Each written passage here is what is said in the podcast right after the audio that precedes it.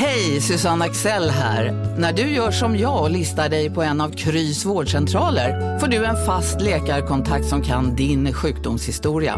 Du får träffa erfarna specialister, tillgång till lättakuten och så kan du chatta med vårdpersonalen. Så gör ditt viktigaste val idag, lista dig hos Kry.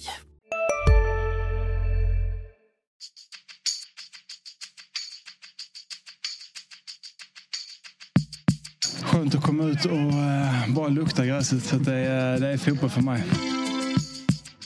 Nu är jag här och jag är väldigt glad att eh, kunna spela för det laget som jag har närmast om hjärtat. Om å skape tro, om å tro på det vi gjør, jobbe videre. Og vi skal bare ut der, og så skal vi levere. Og det skal vi jo. Basta.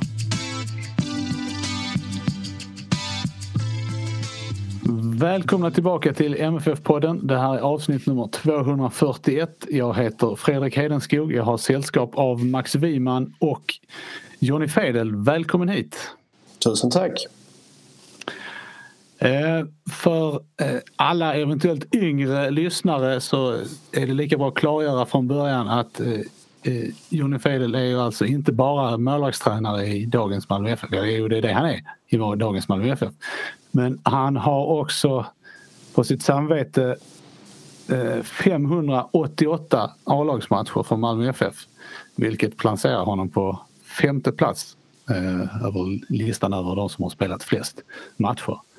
Kan du de fyra som är, som är före? Oh herregud. uh, det måste vara Christer, Roy, uh, Janne före mig. Mm. Sen, tr sen tror jag nog att tyvärr kan jag inte trean. Kan du det Max? Det var ju... jag, jag, jag har listan framför mig. Jag, jag, ja, du fuskar som vanligt. Ja, det är faktiskt så att Johnny är sexa på listan. är det, vem är det mer för? Erik Nilsson, har du någon mer? Vi tar Christer Kristensson 626 matcher. Ja. Erik Nilsson 600. Roy Andersson 624. Bo Larsson 5... Nej förlåt, alltså, det är jag som säger fel. Där hade vi dem. Eh, ja. Och Janne Möller 591. Det var oordning i min lista här. Ja, titta. Jag tänkte väl ja. Förlåt. Förlåt. Max, Max som vill putta ner mig ett steg. Ja, precis. Det är den, den listan jag hittade den sorterade efter antalet allsvenska matcher. Där är du sexa. Ja, ja, det kan nog stämma. Ja. Men du skulle ju spela tre matcher till så du kom före John, eller Janne. Det var ju inte bra. Nej, det ska jag inte alls det. Janne, Janne har varit en stor uh, förebild och idol för mig så han får jättegärna lov att vara före mig.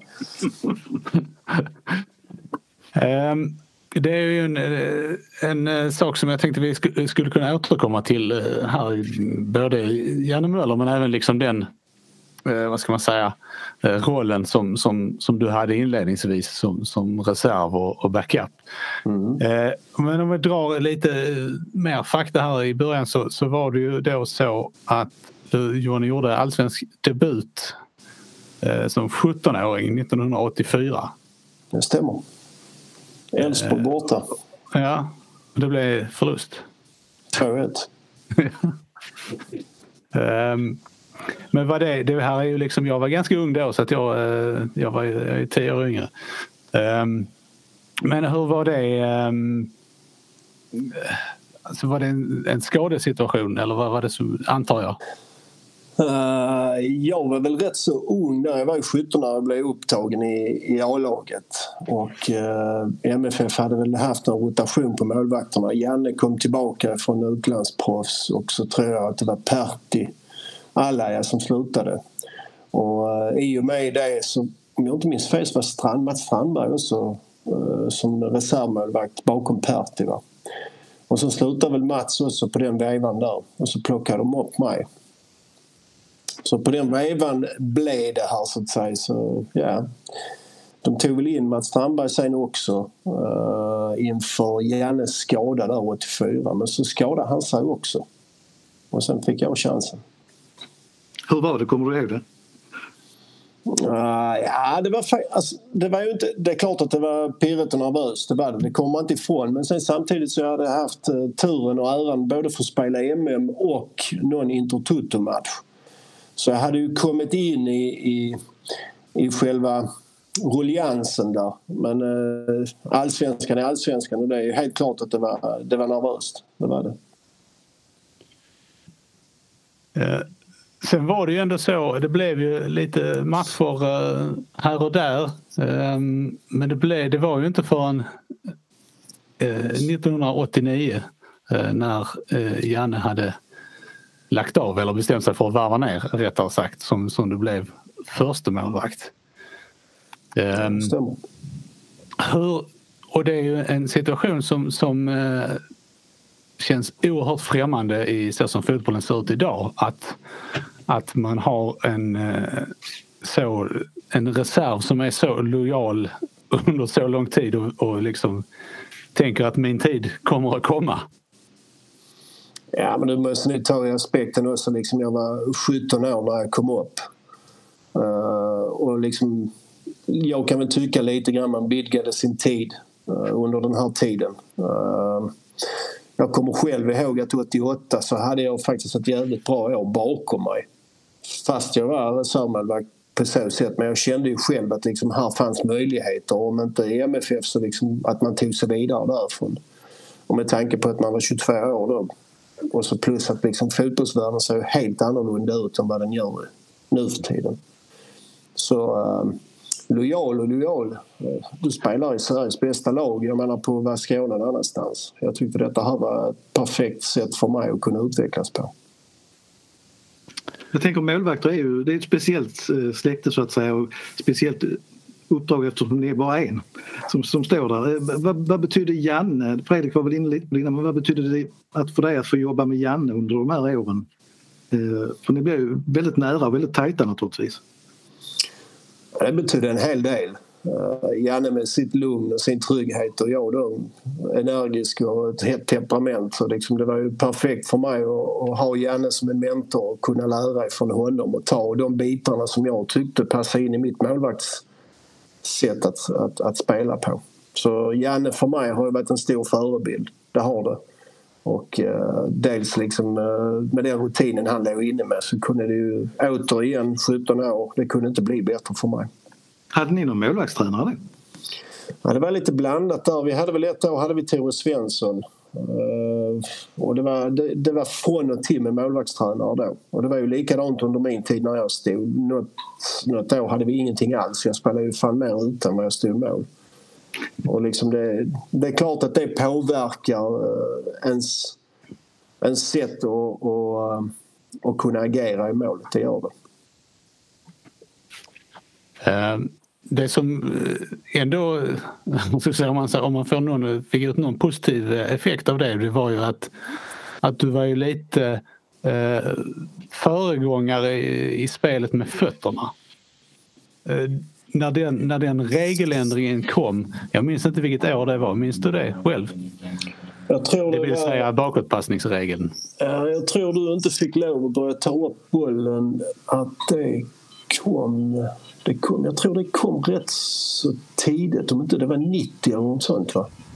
Mm. Jag tror det var det, för vi var, jag var iväg med landslaget i Australien och jag kommer väl ihåg det för jag plockade upp en bakåtpassning från Mats Gren. Jag, det, jag minns det så väl. Och Tord Grip kommer ut springande och skriker till mig att du får inte lov att ta upp bollen. Ja, ja, okay. ja, det kommer jag ihåg faktiskt. Jag tror det, jag tror det är väl där runt 90. Ja, Ja, för det kändes, ju, det kändes ju som att du var bättre rustad än, än ganska många andra att hantera den omställningen. För det var ju, ska man vara ärlig så var det ju då. Det fanns ju många, fanns ju många målvakter då som inte hade behövt använda fötterna i princip under hela sin karriär och som inte heller behärskade särskilt bra. Ja.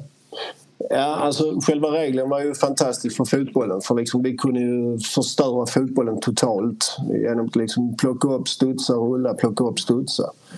Uh, fördelen som jag hade väl kanske är att jag själv i grund och botten började jag spela ute så jag, liksom, jag har ju varit en mittfältare en gång i tiden. Och sen uh, sakta men säkert så åkte man bakåt här. Men uh, ja, föregångare och föregångare. Jag, hade väl, jag var väl duktig på det kan man väl säga. Måste ju fråga dig, varför hamnade du i målet en gång i tiden? Jag stod mål i handboll i MFF. Ja, det var så det var. Ja, så stod där faktiskt. Jag tyckte det var rätt så kul. Det var väl en av de eh, sporterna som jag tyckte var rätt så roligt här. Men sen fotbollen tog mer och mer över. Alla kompisarna spelade fotboll. Det var få spelare som liksom kompisar som höll på med själva handbollsbiten. Så det blev att fotbollen tog mer och mer överhand där. Och sen det är lite kul. var det någon, ut, någon uttagning vi hade där det saknades en målvakt. Så sa jag jag kan gå in och ställa mig för jag står mål i handboll så ställer jag mig där. Så på den vägen är det. Det är lite kul för Janne Möller var ju faktiskt också duktig handbollsspelare men han spelade ute där. Ja. Om jag minns rätt. Han var skytt. Um, jag tänkte vi ta, ta upp tråden där igen 1989. Då var det ju... Um, ni vann ju allsvenskan det året. Uh, och det var väl då var femte seriesegern i rad. Uh, och sen blev det förlust i SM-finalen mot Norrköping det enda året där man uh, svensk, Svenska fotbollförbundet bestämde att det inte skulle vara sammanlagt hemma och borta resultat. Mm. Stämmer. Ehm, och då tänkte man ju att ja, men då vinner MFF, eh, då tar de guld nästa år istället. Men eh, sen så blev det ju av naturliga skäl så att stora delar av det, av det laget som, som representerade MFF eh, i slutet av 80-talet splittrades. Eftersom spelarna var... Och det var ju liksom spelarna var ju så bra så att de försvann helt enkelt. Stämmer. Hur... Ehm, jag tänker då hade du under hela din tid fram till dess MFF liksom varit van vid att vinna serien varje år och ta SM-guld i alla fall vartannat. Sen blev det ju en omställning där, där ni fick finna er att vara lite längre ner i, i den allsvenska hierarkin. Hur, hur, var det? hur var det för dig? jag, jag kan väl säga som så här, längre ner kan jag väl inte riktigt hålla med om. Vi hade väl några år där med, med, med Rolf där vi var uppe och sniffade lite grann. Vi kom tvåa, trea, fyra om jag inte minns fel. Och sen var det väl några år där vi liksom var lite längre ner och sen hade vi väl eh, pissåret 99 där vi åkte ur. Uh, Ja, det är klart att det tar emot, det gör det. Men så som det såg ut i klubben då uh, så kan jag förstå liksom att uh, vi hade lite problem med att kunna konkurrera med, med toppen där. Plus att vi hade Göteborg som liksom verkligen hade sett om sitt hus och som verkligen liksom sög upp marknaden på alla talanger och duktiga spelare. Så liksom, det var ju knappt över någonting från de andra lagen. Så de dominerade ju svensk fotboll med all rätt under hela 90-talet. Och det, det kunde man ju inte... Ja, man kunde inte göra någonting åt det. det bara när, du säger att, när du säger att situationen var sån i klubben kan du liksom mer beskriva vad det var som hände i MFF på 90-talet?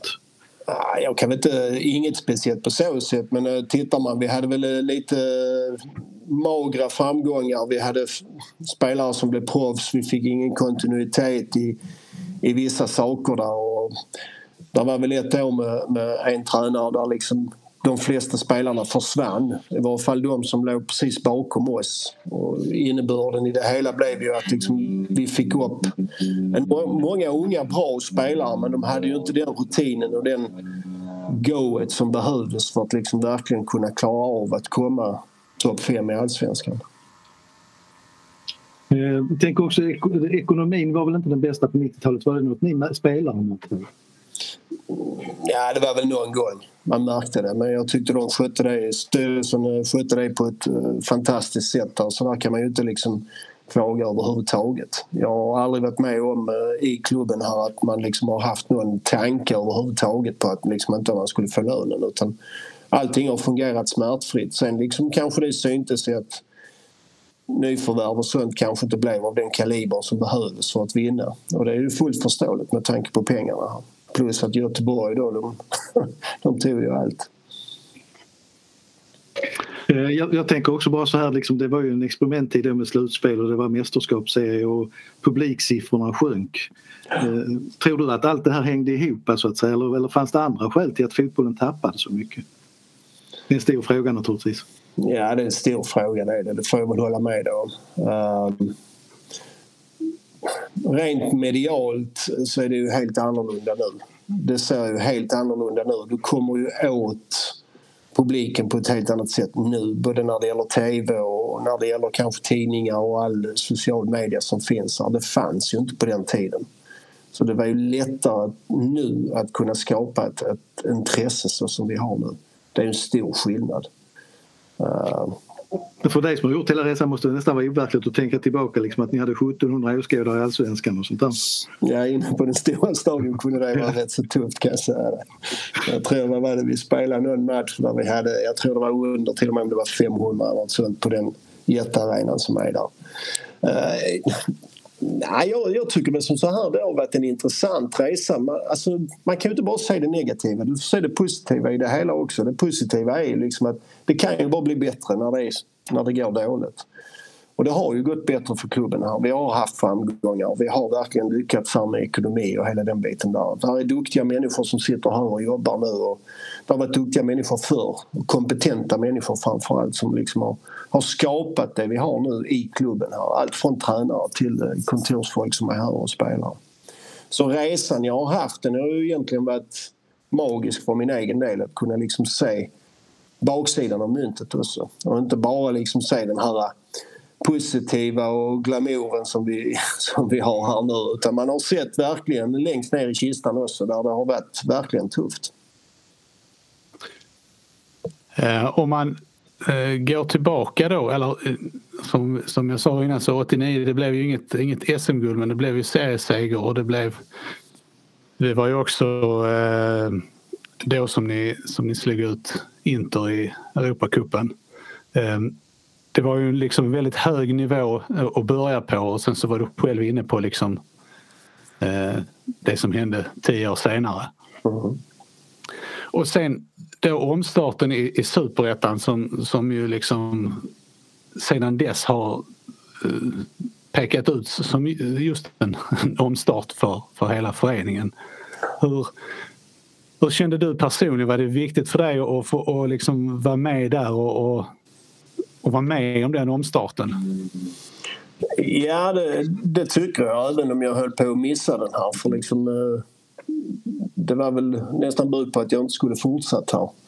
Eh, men eh, ser man till de andra bitarna här och ser man till exempel till vad, vad både Hasse och, och styrelsen gjorde för att eh, verkligen lyfta upp det här med, med nätverket och allt det som skapades här så var det ju helt enormt. Det blev ett, ett jävla driv bakom alltihopa. Bakom företagen som ville ställa upp, bakom MFF, få upp MFF igen i allsvenskan och allt vad det innebar. Så liksom det där var ju ja, återigen få förunnat att, att, att man har varit med i det. Jag brukar säga att det, jag tror det var nog bra för MFF att, att ni åkte ut när man ser facit i efterhand. Ja, det kan man väl säga. Vi har ju alltid varit lite kaxiga här. Det kommer man inte ifrån. Allmän meriter är ju rätt så kaxiga i, i grund och botten här. Men jag tror nog att, att, eh, att få en liten awakening som klubben och föreningen fick här med tanke på eh, degraderingen i superettan. Det, det är som du säger, det blev en awakening. Det blev att folk började tänka till lite vad vi gjorde och hur vi gjorde saker och ting. Jag tror nog framförallt hur vi gjorde saker och ting har varit den stora skillnaden och eh, det som har varit positivt för klubben. Innan vi går vidare, bara, bara, jag kan inte riktigt, började du som knatte i MFF? Så du har spelat i MFF redan från början va? Fotbollsskolan till och med. Den. Hela vägen, ja. Just det. Är ganska många som har gått den vägen. Det är värt att, det är värt att notera det. Alltså, det, är, det, det, ja, det är en lång väg. Det är det. Det kommer inte ifrån. Man har ju sett mycket skiften som har varit här på, på själva området här. Det kommer man inte ifrån. Men eh, ja, det är... Sen vad är det? Sex eller sju år gammal. Något sånt. Sen då, när vi då är inne på det spåret så, för, så du gjorde din sista säsong då 2001. Mm. Du var tillbaka i allsvenskan. Eh, kände du efter det liksom att det var att nu har jag gjort mitt i Malmö FF eller var det, tänkte, du, tänkte du redan då liksom i banorna av att du skulle eh, komma tillbaka i, i föreningen i någon kapacitet? Nej, jag tror nog allting började när jag fick min knäskada 98. Och, eh, då var det ju mycket snack om att eh, i och med det var en bakre korsbandsskada att du har gjort ditt, du kommer aldrig mer göra det, du kommer inte göra detta, du kommer bli förhindrad att göra det andra. Så mitt mål var ju liksom att jag skulle spela fotboll och jag skulle spela allsvensk fotboll. Det var ju mitt mål då. Med tanke på liksom att jag fick skadan när jag var 32 år gammal så liksom hade man inte lust av att leva resten av sitt liv som en, eh, en fotbollsinvalid. Utan jag ville tillbaka, jag ville spela och eh, framförallt så ville jag ta tillbaka min plats. Eh, sen att jag slutade 2001 det, man fick lite andra... Man såg på livet på ett helt annat sätt här och jag kände mig fullt frisk och liksom såg andra utmaningar också att kunna göra här. Så på så sätt så blev det sista sista året. Sen att sluta med fotbollen helt, det var ju inte min tanke men eh, det blev några år i Höllviken och ett, ett gästspel i Halmstad. Alltså. Sen fick det vara nog tyckte jag. Men när började, när kom tankarna på, på tränarskap, målvaktstränardelen in? Den kom lite senare. Det började faktiskt redan första året efter att jag hade slutat när jag var målvaktstränare i, i Höllviken. Uh, och så frågade då ordföranden där, Mats Nilsson, om jag var sugen på, på att stå i mål lite grann. Så jag, ja, kan vara med på träningarna. Sen, dum som man är så, liksom, så fortsätter man och så sen liksom Sen kommer den här glöden igen och så tyvärr så fortsätter man. Nej, jag tror nog tankarna kom, Nej, jag tror nog tankarna kom någon gång eh, året innan jag började som målvaktstränare här. Men tanken var ju mer liksom det här med de yngre killarna. Att liksom hitta, hitta verkligen ett, ett sätt att kunna ge dem eh, ordentlig träning. För att liksom komma in i det hela. Och då, mina tankar var ju själv hur jag hade haft det. Liksom, eh, sporadisk målvaktsträning. Något år, så, precis som jag sa innan, spelade jag mer ute än jag stod i mål. Och hela den biten där. Så liksom, det var väl lite grann där det började. Och liksom, eh, fotboll ligger en varmt om hjärtat. Och det är, även om jag har provat på andra yrken så liksom, det, är, det är fan svårt att släppa det. Alltså. Eh, om du är inne på att tangera det så du, eh, vi vet ju att du har varit inne i, i krogbranschen. Och ja. hur, hur, var det? Och eh, hur, hur lång period höll du på där egentligen? Det var rätt så länge. Vi, jag och min kollega vi köpte restaurang Hipp här i, i början på februari 2002. Sen släppte jag det 2015. Så de åren, vad blir det, 14 år som man jobbade i krogbranschen och måste faktiskt säga att det var fantastiskt att, att, att komma in på ett vanligt jobb, om man ska kalla det för det, och se hur det fungerar och hur det uh, flöt, om man säger som så. Med tanke på liksom hela mitt liv har varit inom idrotten och, och, och liksom väldigt inrutat. Så jag är väldigt tacksam för, för de åren som jag har haft inom restaurangbranschen. Det är jag. Och det var, var det tankar du hade redan innan du slutade eller var det en slump att det blev just krog? Nej, slump, slump var det inte. Utan, uh, vi hade redan köpt den här restaurangen i, på sommaren 2001. Så var avtalet klart att vi skulle ta över i februari. Så liksom, slump var det inte, utan det fanns en tanke bakom det hela. Jag tänker det finns en koppling där att du slutar spela 2001 då också. Alltså att mm. du påbörjade det nya livet så att säga. Det stämmer. Uh hade det livet, eh, hade det livet gått att kombinera med det du gör nu? Nej, det, det, hade det inte kan jag säga. Det var väl lite problematiskt redan då där det blev lite eh, stressfullt eh, under de åren som, som jag började som målvaktstränare i MFF. Då var det väl inte lika intensivt som målvaktstränare som det är nu. Nu är det ju Ja, alltså du kan inte kombinera det. Det, det är mer än ett, ett, ett, fulltidsjobb det jag håller på med. Folk tror kanske att man liksom sitter här och håller tummarna och så sen så kastar man två bollar till keeparna och sen går jag hem och sätter mig. Det är definitivt inte på det sättet där. Det är, det är ett digert jobb. Det är mycket data kan jag säga. Det är, man är fyrkantig ibland.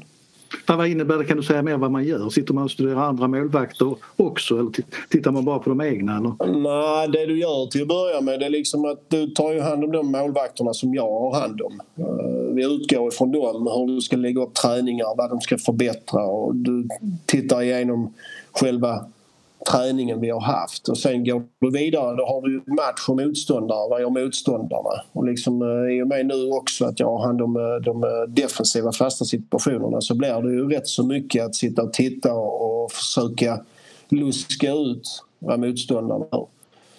Och sen har du efterspelet på alltihopa. Det är ju liksom att du ska summera och återkoppla till, till målvakterna vad som har hänt under matchen. Här. Så det är, det är mycket titta fotboll och en fotbollsmatch. Eh, ni vet själva, den bara en och en halv timme. Även om du snabbspolar så liksom blir det att du sitter och tittar på situationer. Så du sitter många timmar och tittar på, på fotboll och på situationer och, och hela den biten där. Är du helt självlärd? Som tränare? Uh, då, det får du det får du förtydliga. Nej, men jag tänker så här, har du gått en massa, förbunds, har du gått en massa förbundskurser och sånt där? Ja, det har jag. Det har jag. Eh, jag har ju gått den, eh, eh här Uefa MVA som är liksom eh, obligatorisk utomlands om du ska träna typ då allsvenska målvakter och kunna vara med. Så den har jag gått. Det har jag. Hur ser det ut då liksom, alltså neråt under A-lagsverksamheten? Är du involverad i målvaktsträningen där också på något sätt? Direkt eller indirekt? Nej, det är ju Zlatan som har tagit hand om, eh, om keeprarna under till och i och med att jag själv har haft han som, eh, som målvakt här så, så är det ju lite lättare. Vi har eh, rätt så daglig kommunikation både han och jag men sen samtidigt så, så ska han sköta de bitarna där. Det är klart att vi söker råd hos varandra när det gäller både träning och match och hela den biten där vi bollar saker fram och tillbaka. Men att jag ska gå in och liksom peka med fingret vad han ska göra det blir, det blir helt fel. Utan eh, det är han som sköter de bitarna där och så sen så liksom jobbar vi därefter. Jag tycker det är väldigt viktigt att, att en människa uh, har, uh, vad ska jag kalla det för, att han, själv, han är självständig och självgående i det han sysslar med. Det är inte meningen att jag ska gå in och peka med hela handen och styra för det kommer att sluta med att den människan kommer att få problem längre fram och ta egna beslut. Så eh, det är en bra uppdelning. Zlatan är duktig på det han gör så det är, det är fantastiskt för min del. Vi ska förtydliga att det är Zlatan Asinovic.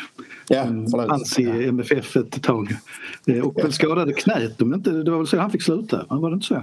Ja, han hade väl eh, i en match Eh, en kvalmatch till Champions League som han small om det var knäskålsscenen och sånt och där Marco fick göra debut. Precis, Ventspils borta. Vi kommer väl tillbaka ja, till Marco sen. Ja, det stämmer. Jag, jag, jag, frågar, eller ställer frågan eftersom jag upplever, och du får rätta mig om jag har fel, men att jag upplever att, att det nu finns en eh, att det fylls på underifrån i MFF på målvaktspositionen på ett eh, bättre sätt än vad det har gjort på ganska många år. Eh, om man tittar, om man tittar historiskt, om man tittar bak eh, till din tid så att säga så var det ju mer undantag att ni hade målvakter som kom utifrån. Det var ju som du sa Pertti så det var ju mer för liksom att lappa och laga där det uppstod mm. hål. Sen efter du slutade så var det ju då Lee Baxter, Mattias Asper, Jonas Sandqvist, eh, Johan Dahlin, Johan Wieland eh, målvakter som då inte kom eh, från de egna leden. Eh, känner du att, att det har blivit någon är det någon skillnad där? En lång fråga. Du glömde Robin. Ja, just det, det gjorde jag. För att jag, hade, jag glömde Robin därför att jag hade satt honom inom parentes. Han var ja, okay. specialfall som var lite både och. Lite av varje. Jag vet inte vad jag ska säga. Jag tror nog det går lite grann i vågor, de bitarna där. Det går lite upp och ner. Sen, sen ska man väl säga som så här att eh, det kanske inte är populärt att säga det men, men jag har väl haft lite olika tankebanor kring hur målvaktsprofilen ska se ut än, än vad den har varit eh, innan här i klubben. Uh, det tycker jag har mer gått över till lite grann så som jag tycker att målvakterna ska se ut och hur de ska agera. Uh, sen uh, är det ju som vanligt återigen träning har vi haft en kontinuerlig träning innan på våra yngre målvakter. Och med kontinuerlig träning menar jag i varje fall ett par gånger i veckan här och det har vi inte haft vilket vi har fått in nu. Uh, Janne, som jag vet var under mig vid den tiden, gjorde så gott han kan men det är ju svårt för han också att hinna med alla de keeparna som, som fanns där då.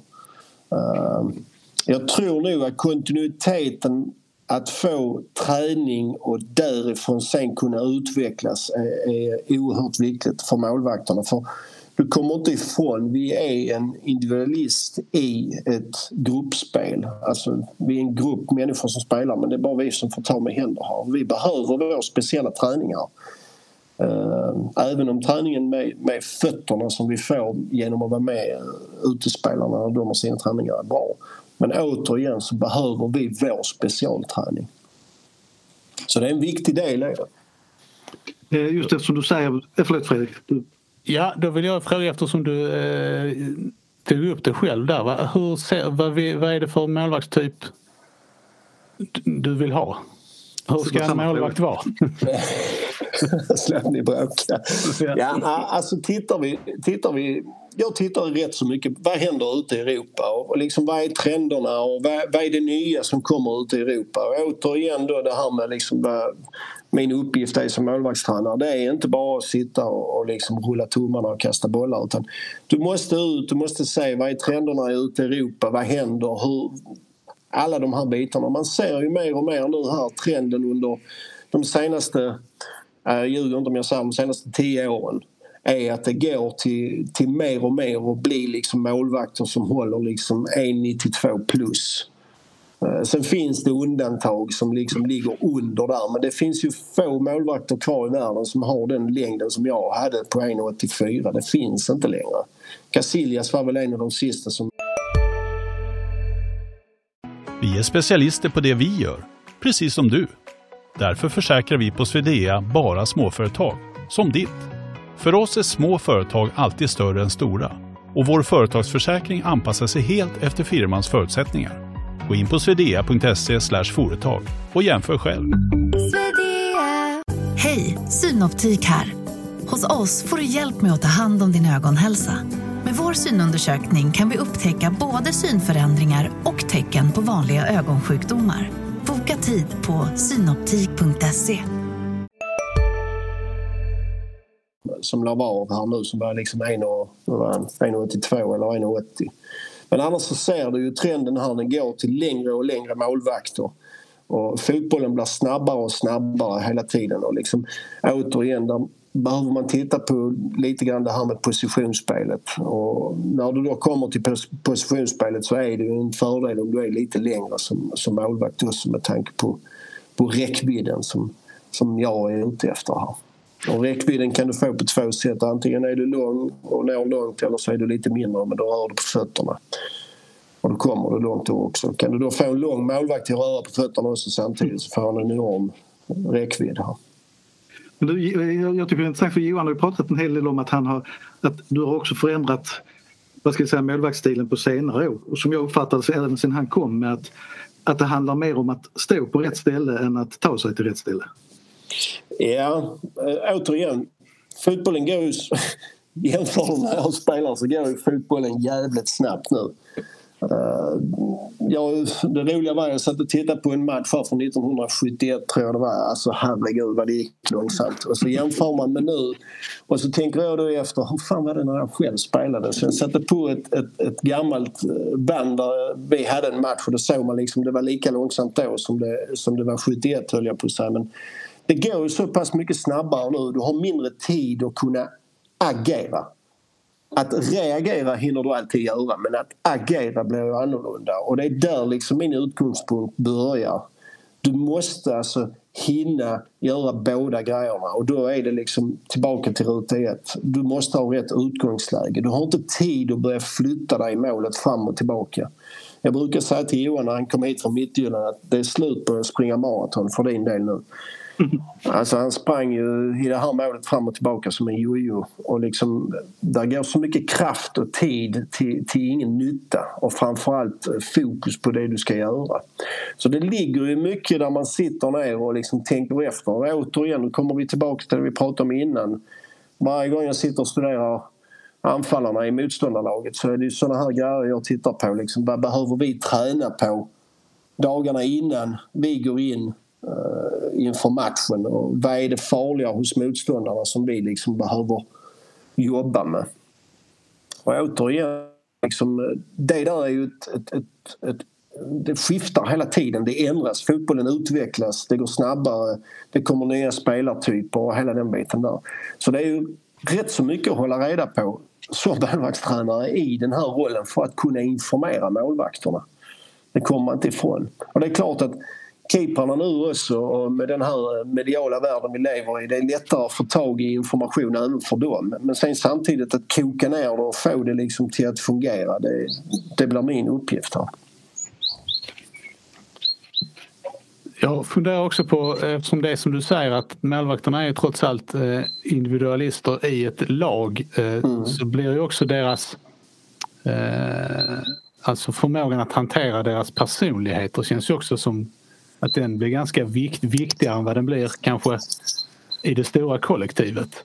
Eller den blir mer utpräglad på något sätt.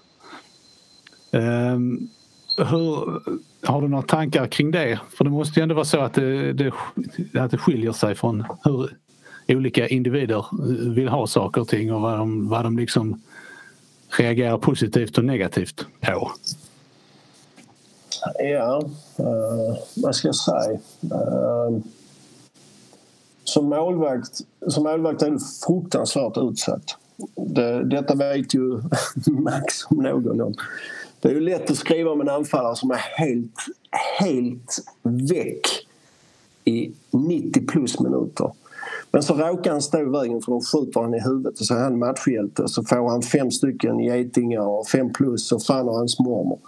Medan en keeper som då liksom har stått och som en galärslav liksom försökt att, att freda sitt mål och sen kastar han tyvärr in ett mål och förlorar dem på det. Då är han liksom eh, ja, syndabocken nummer ett all times.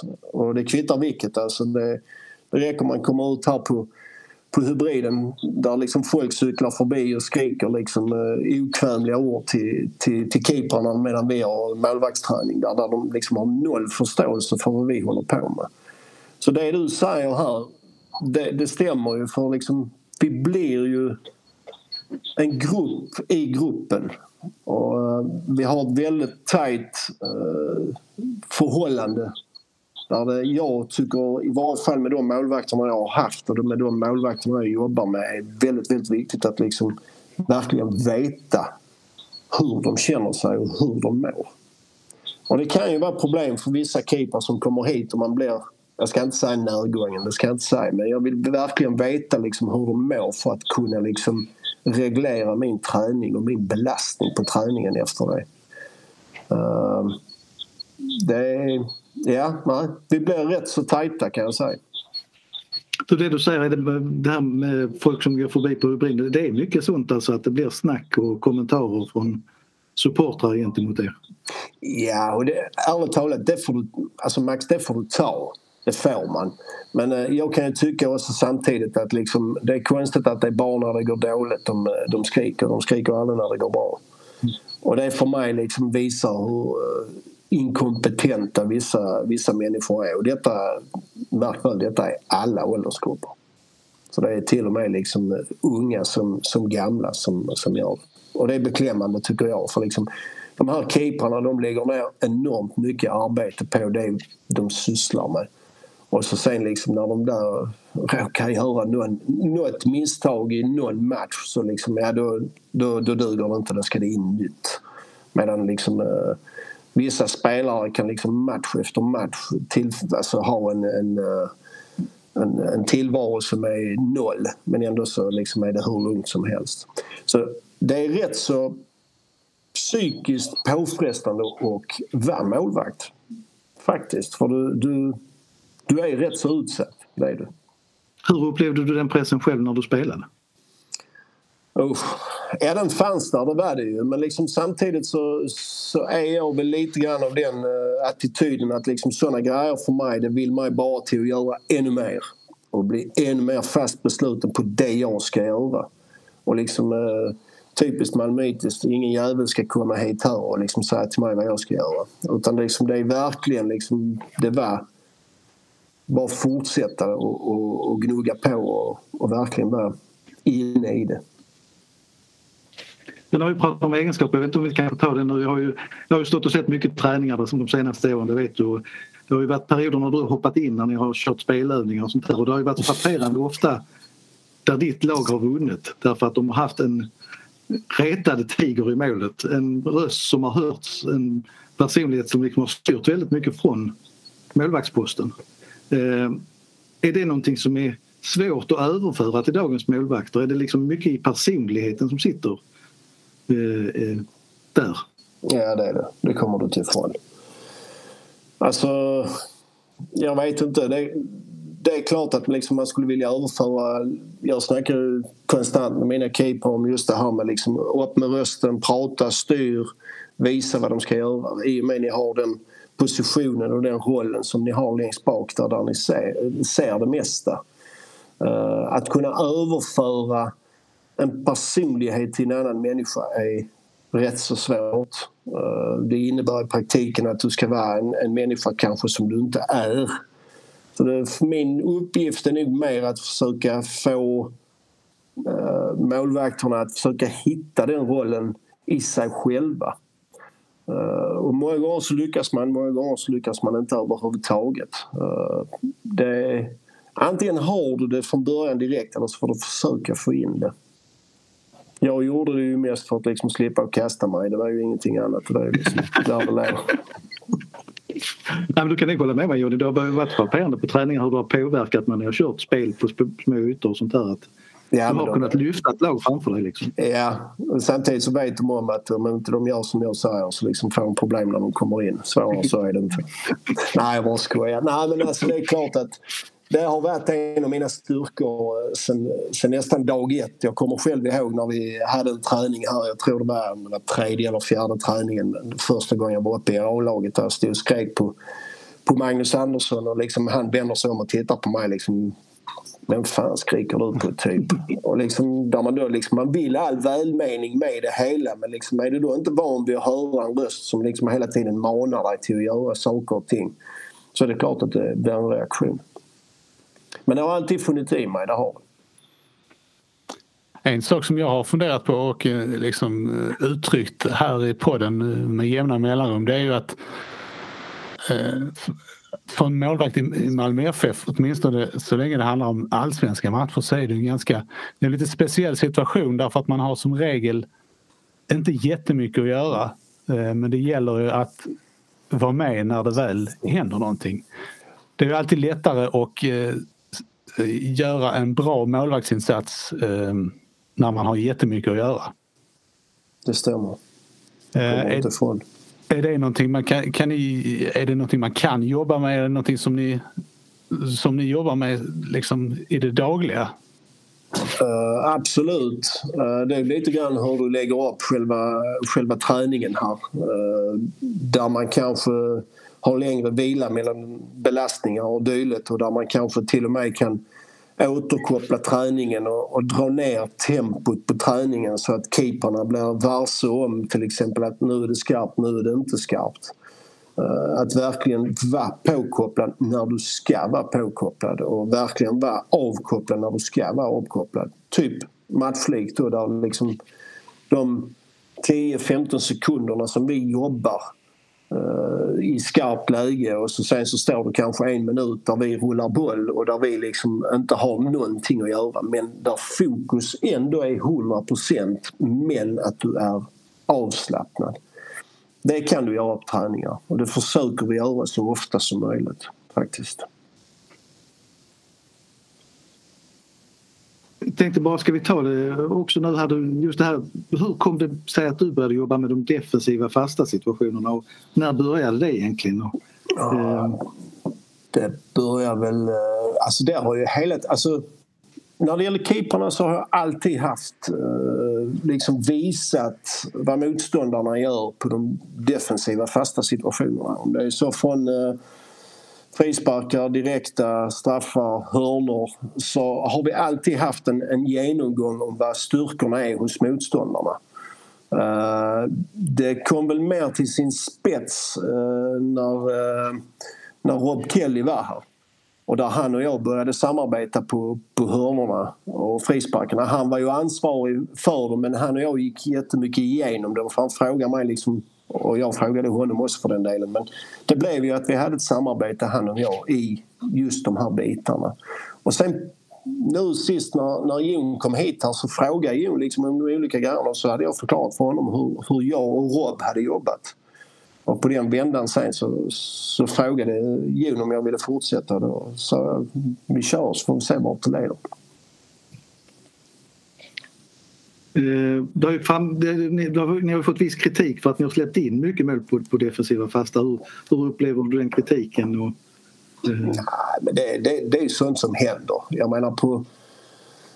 Uh, ska vi gå igenom uh, allting så kan man ju se det på två olika sätt. Jag tycker tittar du rent procentuellt och du jämför allsvenskan så är det inte så mycket vi släpper in. Uh, under året som vi hade uh, Eh, Rob och, och, och Ove här. Så det ena året då när vi började föra statistik på det så tror jag vi släppte in en direkt hörna på ja, 100 någonting. Uh, året efter som eh, uh, var i fjolåret då så hade vi fem hörnor på fler hörnor emot oss. Uh, och tittar man då liksom hur målen har kommit till, för det är ju det som är det intressanta. Är det mål som motståndarna har gjort Eh, Eh, genom att de har varit sluga och, och varit duktiga på, på, på att lura oss så är det ju en sak. Men är det mål vi har släppt in på grund av att vi har varit slarviga i försvarsspelet det, den biten där kan jag tycka liksom, den är mer eh, befogad som kritik för då kan man alltid hitta liksom vad kan vi förbättra? Uh, kritik ska du ha och kritik måste du kunna ta för jag menar på det är där du förbättrar dig. Hade allting varit guld och gröna skogar och vi släpper in en hörna på, på 122 eller vad det nu än var. Så liksom, det är ju skitbra, ja det är det, men vad gör du då när liksom det blir fem på 140 eller vad det var? Ja, det är då du får sätta dig ner och så får du titta vad är orsaken till de här hörnmålen vi har fått emot oss? Vad är orsaken till exempelvis att vi har haft Eh, sju straffar emot oss. Vad är orsaken att vi har släppt in två mål på, på frisparkar? Det är lite grann de bitarna vi får titta på. Tittar man förra året där vi släppte in två direkta frisparkar. Marco var den ena och Johan var den andra. Så får man titta vad fanns det för möjligheter för keepare att göra något åt detta här. Och tittar du på indirekta frisparkar så kanske man ska titta vad hade vi hade haft för bättre möjligheter att förhindra dem. Eh, kritiken den, den får du ta. Det är ju part of the game. Det bara är så. Men kritiken ska ju inte vara obefogad. Eh, där man då liksom går ut och säger och nu är det för många eh, hit och för många dit och hela den biten där. Jag, jag tycker inte det. Sen samtidigt, eh, ja det är klart att vi har släppt in fem hörnor förra året. Vad är anledningen? Då får man titta på vad anledningen är och så får man jobba på den och förbättra den. Hörnor Frisparkar, straffar, det kommer alltid att ske. Frågan är hur det sker. Är det att vi har blivit försumbara på att vi har varit slarviga eller är det individuella misstag eller är det att, att eh, motståndarna har varit skickliga? Det är lite grann de bitarna man får titta på. Det är där man får liksom säga är kritiken befogad eller inte. Sen kanske då allmänheten ser det på ett annat sätt. De ser det ju som liksom hörna, mål, vad fan är det som händer? Ja men varför händer det? Vi har väl lite mer djupgående analys när vi tittar på varför det har blivit ett mål. Det har vi. Och sen har vi ju liksom, eh, vi ska ju se det positiva i det hela också. Det är liksom om man ser procentuellt hur mycket vi släpper in på de olika fasta situationerna. Det måste man titta på också. Men eh, vad har du kommit fram till då? Jag måste faktiskt säga att vi är rätt så skickliga på det. Jag kan tycka liksom att eh, ibland så går det plus, ibland går det minus. Men tittar man rent generellt på hur det ser ut så, så tycker jag det ser jävligt bra ut. I år har det börjat bra här. Sen vad det renderar i när allsvenskan drar igång och vi ska ut i Europa, hela den biten där. Så då, då får man ta det då så att säga. Men än så länge så tycker jag vi ligger rätt i positionerna, vi ligger rätt i det vi sysslar med. Och sen måste man liksom se det som så att misstag kommer alltid att hända. Några år är det mer, några år är det mindre. Eh, så är det bara. Jag tänker nu berör du själv framtiden här det, det, finns ju, det finns ju frågor som jag vet att inte minst supportrarna ivrigt undrar över. Jag tyckte själv att Johan Dahlin kanske var som han har aldrig varit så bra som han var innan han blev skadad här nu och han har ändå varit duktig länge. Men ja vad kan du säga om hans status och hur det går framåt? Och, eh, det är klart att vi alla undrar liksom när vi kan se honom på planen. Jag vet att MFF är försiktiga med den policyn men du kan väl berätta vad du kan berätta? Alltså det går framåt med Johan här. Det, det är vad jag kan säga. Eh, vi har kommit ut på planen och vi tränar. Det är vårt första mål och sen får vi ju se liksom håller det, håller det inte. Än så länge har det varit positivt här och eh, det ser bra ut. Det, det, det, det, är så långt du kan sträcka dig. Ja, det, är roligt, det är roligt att du har pratat så in i helsike. Ja, då går vi in på ja, det är känsliga saker. Ja, jag förstår Nej, men någonstans, du säger det själv också, alltså det, det, om jag har förstått det rätt så är det i alla fall en, en, en typ av, det är en axelskada det vet vi. Eh, mm. Han är opererad. Eh, mm. att, att det liksom också är att man inte riktigt vet förrän han verkligen är helt rehabad hur det håller om jag uttrycker det så. Alltså det är en, det... Jag, kan, jag kan inte säga det bättre än vad du gör Max. För många skador, med korsbandsskada är mer tydligt att det tar så här lång tid och så vidare men det känns som det finns en annan en annan osäkerhetsfaktor i detta. Ja. Vi kan ju säga som så här, det är en axelskada och det är en målvakt. Sen eh, tror jag nog att alla förstår liksom att det är en led som vi är väldigt beroende av och liksom går allt för fort framåt här eh, kan vara ödesdigert också. Så vi tar det sakta men säkert och följer de råden vi får ifrån vårt fysioteam och läkarteam. Vågar du, det är också svårt men du har ju, du har ju själv du har själv haft en korsbandsskada så att säga. Eh, det kommer ju glida uppåt ett år som, som Johan är borta, det kan man ju redan nu konstatera liksom, från matchspel. Eh, vad betyder det för en målvakt och är det någon skillnad gentemot en utespelare att komma tillbaka? Eh, jag tror nog inte det är någon så stor skillnad för Johan faktiskt eh, när det gäller de bitarna där. Han är en rutinerad kille och har väldigt, väldigt klart för sig vad han vill göra. Så jag ser inte det som något problem överhuvudtaget utan snarare tvärtom så tror jag nog att med hans skalle som är fruktansvärt tjurskallig så kommer det bli ännu bättre här. Eh, det är ju Marco som får bära ansvaret nu och det, han granskas ju naturligtvis extra mycket i det här mm. läget och följs noga. Och det är lite grann som du säger, minsta misstag kan bli en rubrik. Men, men om du skulle beskriva hur du tycker han har utvecklats och var han står idag. Eh, eh, vi vet ju att han historiskt har, har liksom gjort kanske en del sådana där konstiga misstag och så råkade det komma en sån mot Kalmar nu i en träningsmatch också. Men, men liksom har, har han, ja, hur beskriver du var han är idag? Jag tycker Marco går från, eh, från klarhet till klarhet. Vi måste ha klart för oss att det är två olika typer av målvakter. Eh, det är det som är så rätt så intressant faktiskt. För liksom, tittar du på, på Johan som målvaktstyp så är Johan den jag ska inte säga den gamla traditionella målvakten men den har lite grann av det gamla målvaktsspelet i sig. Eh, duktig på fötterna och hela den biten där som du behöver i det moderna målvaktsspelet här.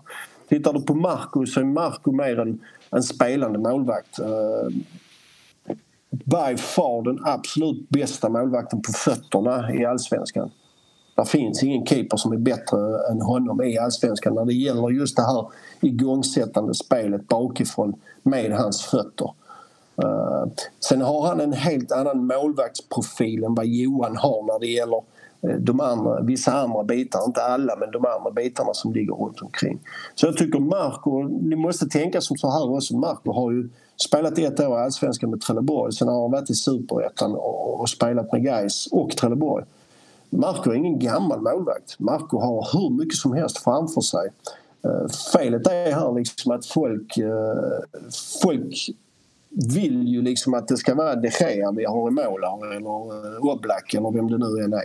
Och det tar tid att utveckla de här keeparna. Man måste liksom se det lite grann här att Tittar du på hur Johan var när han var i Marcus ålder så tror jag knappast Johan var där Marco är nu. Utan eh, Marco har framtiden framför sig och här gäller det att ha lite tålamod och man måste ibland man måste ibland acceptera att eh, liksom en, en, ett misstag, det sker. Så är det bara. Och återigen det vi pratade om innan här i början på intervjun. Så fort keeperna gör ett misstag, ja då är det skit. Och gör en utspelare missar öppet mål så ja det var ju synd. Men Marco har det psyket som behövs och krävs för att kunna ta de här stegen som verkligen behövs för att bli en, en, en toppmålvakt. Så jag har stort förtroende för Marco när det gäller de här grejerna. Givetvis, vissa grejer kunde man gjort bättre och vissa grejer har han gjort fantastiskt bra här. Det är lite grann tålamod som behövs. Och tyvärr så i dagens samhälle så finns det inte så mycket tålamod men jag, jag, är, jag är starkt övertygad om att, att Marco kommer bli en bra konkurrent. Och, eller Marco och Johan kommer bli två bra konkurrenter till varandra. Om man bara ska säga någonting kort om de två bakom där också. Jag tycker själv att det jag har sett av Mattias Nilsson att han har klivit fram lite mer i år. Eh, och sen så om jag har förstått det rätt, hela rätt så, nu tappar jag förnamnet, men Elborg betecknas som väldigt lovande. Melker, just det. Ja. Han betecknas som väldigt lovande. Ja. Melker, Melker för mig, det är liksom... Eh, där har MFF en, en fantastisk eh, framtid här. Det kommer man inte ifrån. Förutsättningen återigen att han spelar ut sina kort rätt. Uh, när det kommer till, till Mattias så är väl han den målvakten som uh, i år har tagit enorma kliv. Uh, du snackade innan om det här med snacka med försvar och sånt och höja mm. rösten och hela den biten där. Han har ju verkligen anammat detta här och verkligen liksom kommit ur sitt skal när det gäller liksom att kunna styra och ställa på matcherna. Mattias behöver matcher och han har fått matcher här och han har visat verkligen att liksom han duger i de här sammanhangen. Så för, för klubbens del här så gäller det liksom att försöka få ut Mattias och, och, och liksom kunna spela kontinuerligt i seniorfotboll. Superettan, möjligtvis kanske allsvenskan vilket är svårare men, men superettan hade passat honom jättebra och han klarar av den nivån hur lätt som helst. Skulle du vilja se en utlåning redan nu eller du, är det först när Johan är tillbaka? Som det är nu så, så måste vi ju ha två målvakter i varje fall här hos oss och då Melker som en, som en backup innan det händer någonting. Så, men givetvis eh, när det finns tid och tillfälle så, så ser jag gärna liksom att, att uh, Mattias kommer ut här. Det gör jag. Om man drar, fortsätter det här resonemanget när eh, om man pratar i väldigt generella termer, när tycker du att en målvakt har sin, sina bästa år? Oj, puff. Ja du. Det kan han ju ha egentligen. Uh... Undantag finns ju såklart. Men, ja, det uh... finns där. Jag tror nog liksom när du... Det, det, är en kombination här av att liksom kunna hantera olika situationer på rätt sätt återigen vill återkoppla till Marco här där liksom där vi har en keeper som märker, han kan liksom... Du nämnde Kalmar, eh, Max här, där han liksom eh, missbedömer en boll och den tar stolpe och så tar det hans ben in och sen efteråt så gör han ändå en till två bra räddningar och han kommer ut på inlägg. Det är de här bitarna jag tittar på. Det är många målvakter som råkar ut för såna här grejer och som då mitt i alltihopa försvinner in i sitt skal och inte vågar längre ta någon form av initiativ eller någonting överhuvudtaget. De blir väldigt passiva, de står på linjen, de agerar inte längre utan de tycker mest liksom allting är, är, är jobbigt och besvärligt. Men för att återkoppla till din, till din fråga när man är i sin bästa peak det kan jag inte säga. Det, det, kan börja när de är 20, det kan börja när de är 22, det kan komma när de är 27. Det, det, är svårt att säga men jag kan säga som så mycket att ju mer du står och med åldern där får du liksom in rutinen och liksom det byggs på mer och mer. Det märks ju väldigt tydligt här nu att liksom keeprarna håller länge så länge de kan hålla sin fysiska status. Så liksom, eh, där är, där är ingenting jag kan säga att det är eh, ditt eller datt. Tycker du att eh, svenska klubbar generellt eh, har lite för lite tålamod vad gäller den saken? Jag tänker att det finns ju eh, både i allsvenskan och i superettan alltså har det varit periodvis ganska gott om målvaktsimporter som man har känt att... Mm. Yeah. Ja, jag håller med dig. Och varför jag håller med dig är liksom att tyvärr så finns ju inte det här tålamodet som, som vi pratade om innan. Att liksom låta keepern göra det här misstaget och ändå känna förtroendet. Och eh, det spiller ju över sen liksom ner på kanske även lagkamrater och dylikt där lagkamraterna börjar ifrågasätta. Eh, och många gånger så kanske lagkamraterna skulle själva titta sig i spegeln. Vad har de gjort för att kunna förhindra eller förbättra situationen för, för målvakten? Men så som du säger här nu, ja det har varit en hel del importer här. Eh, har vi målvakter? Ja, jag tycker faktiskt att det finns eh, ett par stycken att, att, att ta av vi har ju målvakter som är yngre som är ute och flänger i England och i Danmark och gud vet inte allt. Och liksom, de kunde lika bra varit här hemma bara man hade gett dem chansen, kan jag tycka. Jag tänker om vi, vi bör snart närma oss en avrundning så att säga men vi har pratat målvakter. Jag tycker du kan gott säga lite vad du känner inför säsongen. Eh, vi är ju ganska många som tycker att det har varit ganska knackigt, det är väl bara att erkänna under försäsongen och kuppen här. Eh, men hur ser du på det så här långt och vad ser du som gör att det här kommer att vända?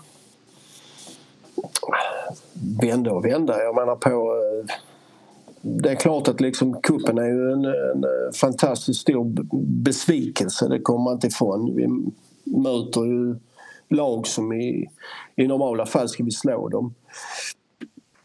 Eh, jag tycker det har sett bättre ut här nu mot slutet och jag tror nu liksom att Allsvenskan är ändå lång, det kommer man inte komma ifrån. Eh, jag tror det är viktigt att vi här och nu i början verkligen eh, hänger med eh, i, i toppen på, eh, på tabellen här för att inte tappa för mycket mark så att säga. För jag tror nog att vi har en en rätt så tung höst framför oss med, med kval och dylikt till, till Europa och spel i Allsvenskan. Men att vara orolig för att liksom inte laget ska, ska hålla och hela den biten där, det, det, det, det är jag inte överhuvudtaget. Utan precis som vi pratade om innan i början, det går i vågor, det går upp och ner. Ibland är det bättre, ibland är det sämre. Men till syvende och syvende så ska matcherna spelas.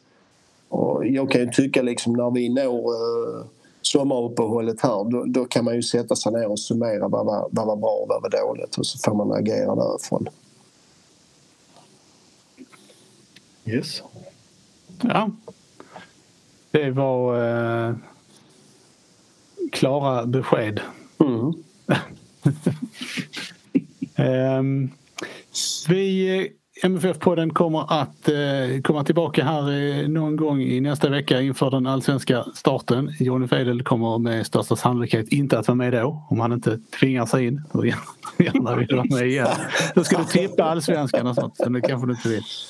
Nej, tippa. Jag är svindålig på att tippa. Är... Ja, det är vi också, framförallt Max. Men, eh, jag får alltid. det hindrar inte oss. Nej, det ska du, vi ska inte tvinga dig till. Eh, vi återkommer. Tills dess så har detta varit avsnitt nummer 241 av MFF-podden där vi anser att konstgräs ska förbjudas i svensk elitfotboll. Jag heter Fredrik Hedenskog, jag har sällskap av Max Wiman och Johnny Fedel och ansvarig utgivare är Jonas Kanje. Tack för oss, hej hej!